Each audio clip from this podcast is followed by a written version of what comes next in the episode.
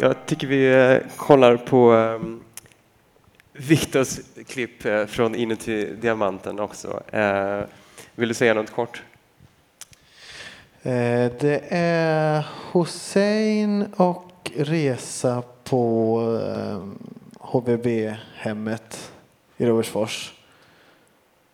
Ja, men sen tror jag det talar ja, för sig själv. Som är alltså en eh, nedlagd diamantfabrik, numera flyktingförläggning. Ja, bra förklarat.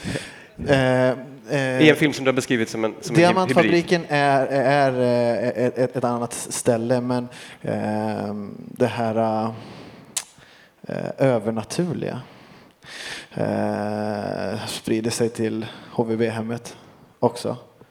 Jag vet inte om, om de säger det, men det har varit ett gammalt äldreboende så, så det, har, det har ju de här flyktingarna fått reda på. Så här, eh, och, och, och de, de, har säkert med sig trauman från liksom, kriget. Men då tolkar de det som att det är de här gamlingarna som har dött och som står och knackar på uh, dörrar och slår på datorn mitt i natten och sådär. Det är hemsökt. Det är hemsökt. Ja. Och ingen har sett filmen än så att, uh, det blir premiärklipp här nu tycker vi kör.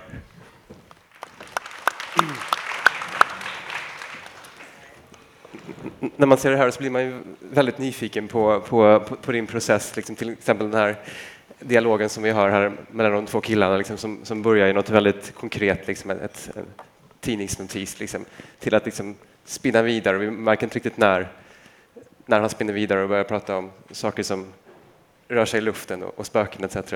Hur, hur, um, vad är, vad, är, vad är liksom, förlåt frågan, men vad är dokumentär och fiktion i det här? Eller, du har beskrivit det som en, som en, som en hybrid. Ja, precis. Ja. Eh, och de spelar ju sig själva, de är, de är sig själva.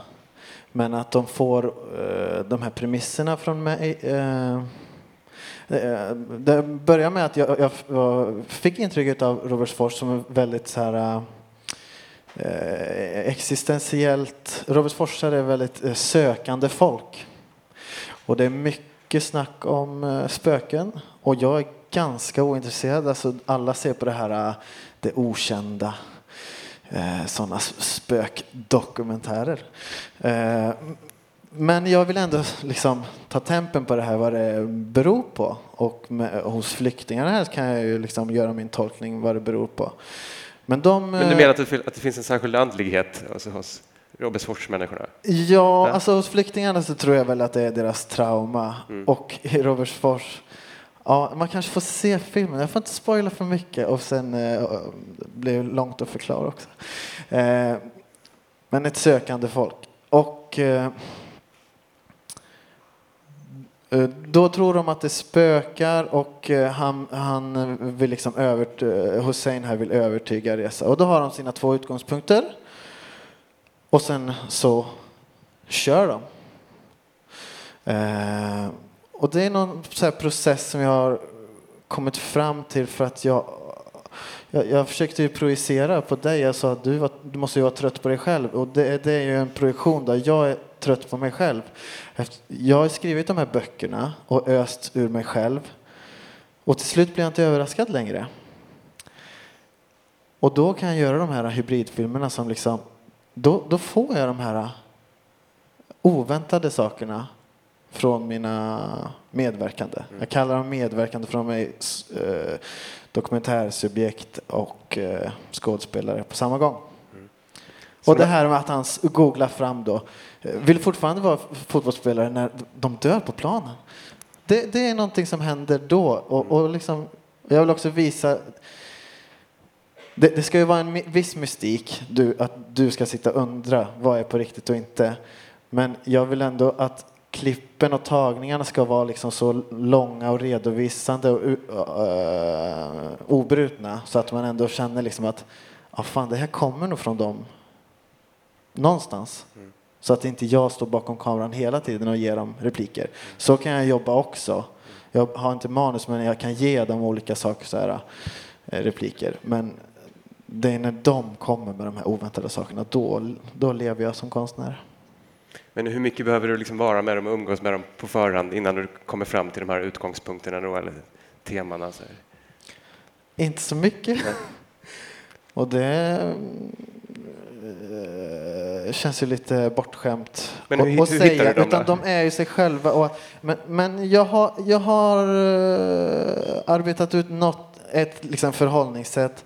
Eh, jag är lite liksom eh, flamsig, sprallig, man får säga vad som helst. Jag är inte noggrann, jag tar, jag tar aldrig om. Jag säger aldrig liksom att det, det där var inte bra, vi måste ta om det på ett annat sätt. Utan så här, ja, vi kör vidare och så blir det, en, det här är liksom en lång scen. Så, så det här är när de har kommit in i det. Men de har inte tagit om någonting. Och det, det, det, det har jag hittat liksom min regissörs roll. Att man blottar strupen lite och att jag visar mig i underläge att det är de som... Jag, vill- jag vill åt dem och, och det kanske känns häftigt för dem, härligt för dem att liksom, ja shit han lyssnar verkligen på våra skumma saker som vi sitter och funderar på. Tycker du att du har liksom nått fram till en metod nu? Liksom, eller menar, hur har du, du har gjort två Uppsala-filmer tidigare när du bodde där som också var inom liknande genre, eh, hybriden. Eh, har du liksom funnit din form i det här för att kunna liksom kombinera alltså du, du är trött på dig själv men du vill fortfarande producera vissa saker på de här människorna som ändå befinner sig i en väldigt konkret akut situation liksom, eh, alltså i en glesbygd liksom, och utanförskapet som, som invandrarskapet innebär.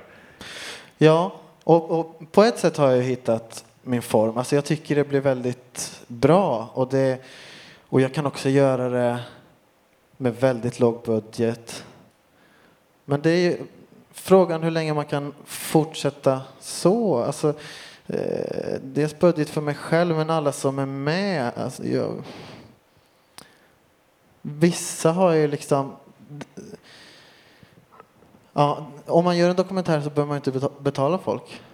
Men nu ska de ändå få liksom någon eh, lön för vi har fått eh, eh från Film i Västerbotten. Men ja, det, det är lite omoraliskt att fortsätta så här. Samtidigt som det blir bra filmer. Mm. Men jag har haft lite problem med att släppas in i värmen i eh, SFI-värmen faktiskt. Men, men blir du inte liksom extra taggad när du ser liksom Mikaels och eh, Marias filmer? Liksom då? Jag menar till exempel din roman Bonsai-katt har ju vissa beröringspunkter till och med med Marias film. Liksom. Skulle det inte vara häftigt ändå att driva det vidare liksom, och, och även arbeta med professionella skådespelare? Jo, alltså Mm. det, och det är dit jag vill, men det är så jäkla svårt för du, du, s- ja, det är också lite pro, projektion nu att, att eh, jag håller på att bli en rättshaverist som liksom, jag får inte, ge, får inte igenom mina galna idéer. För det, det verkar osannolikt. Alltså jag, det, och, ja. Eh, Min, min kollega Viktor Lindgren, han, eh, vi är ju två Ume-Viktor-filmare. Eh, han, han tycker han känner av det här jättemycket med vilka liksom stereotyper som får, får plats på film. Eh, han vill göra så här norrländsk eh, man, eh, macho, eh, bilmekaniker som är beläst och som är liksom så här riktig litteraturnörd. Men det tror de inte riktigt på i, på SVT eller SFI. Fast att han och jag ser de här karaktärerna. Och, och det är det jag tänker om mina karaktärer också att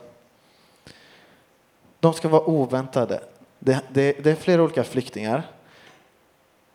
Men det ska inte, de ska inte bara vara flyktingar. Deras personer är mer än så. De, de är bodybuilders. De, är liksom, eh, de gör skräckfilm. Så man, kan, man ska inte bara vara den här liksom stereotypen. Jag vill gå bort från det mycket.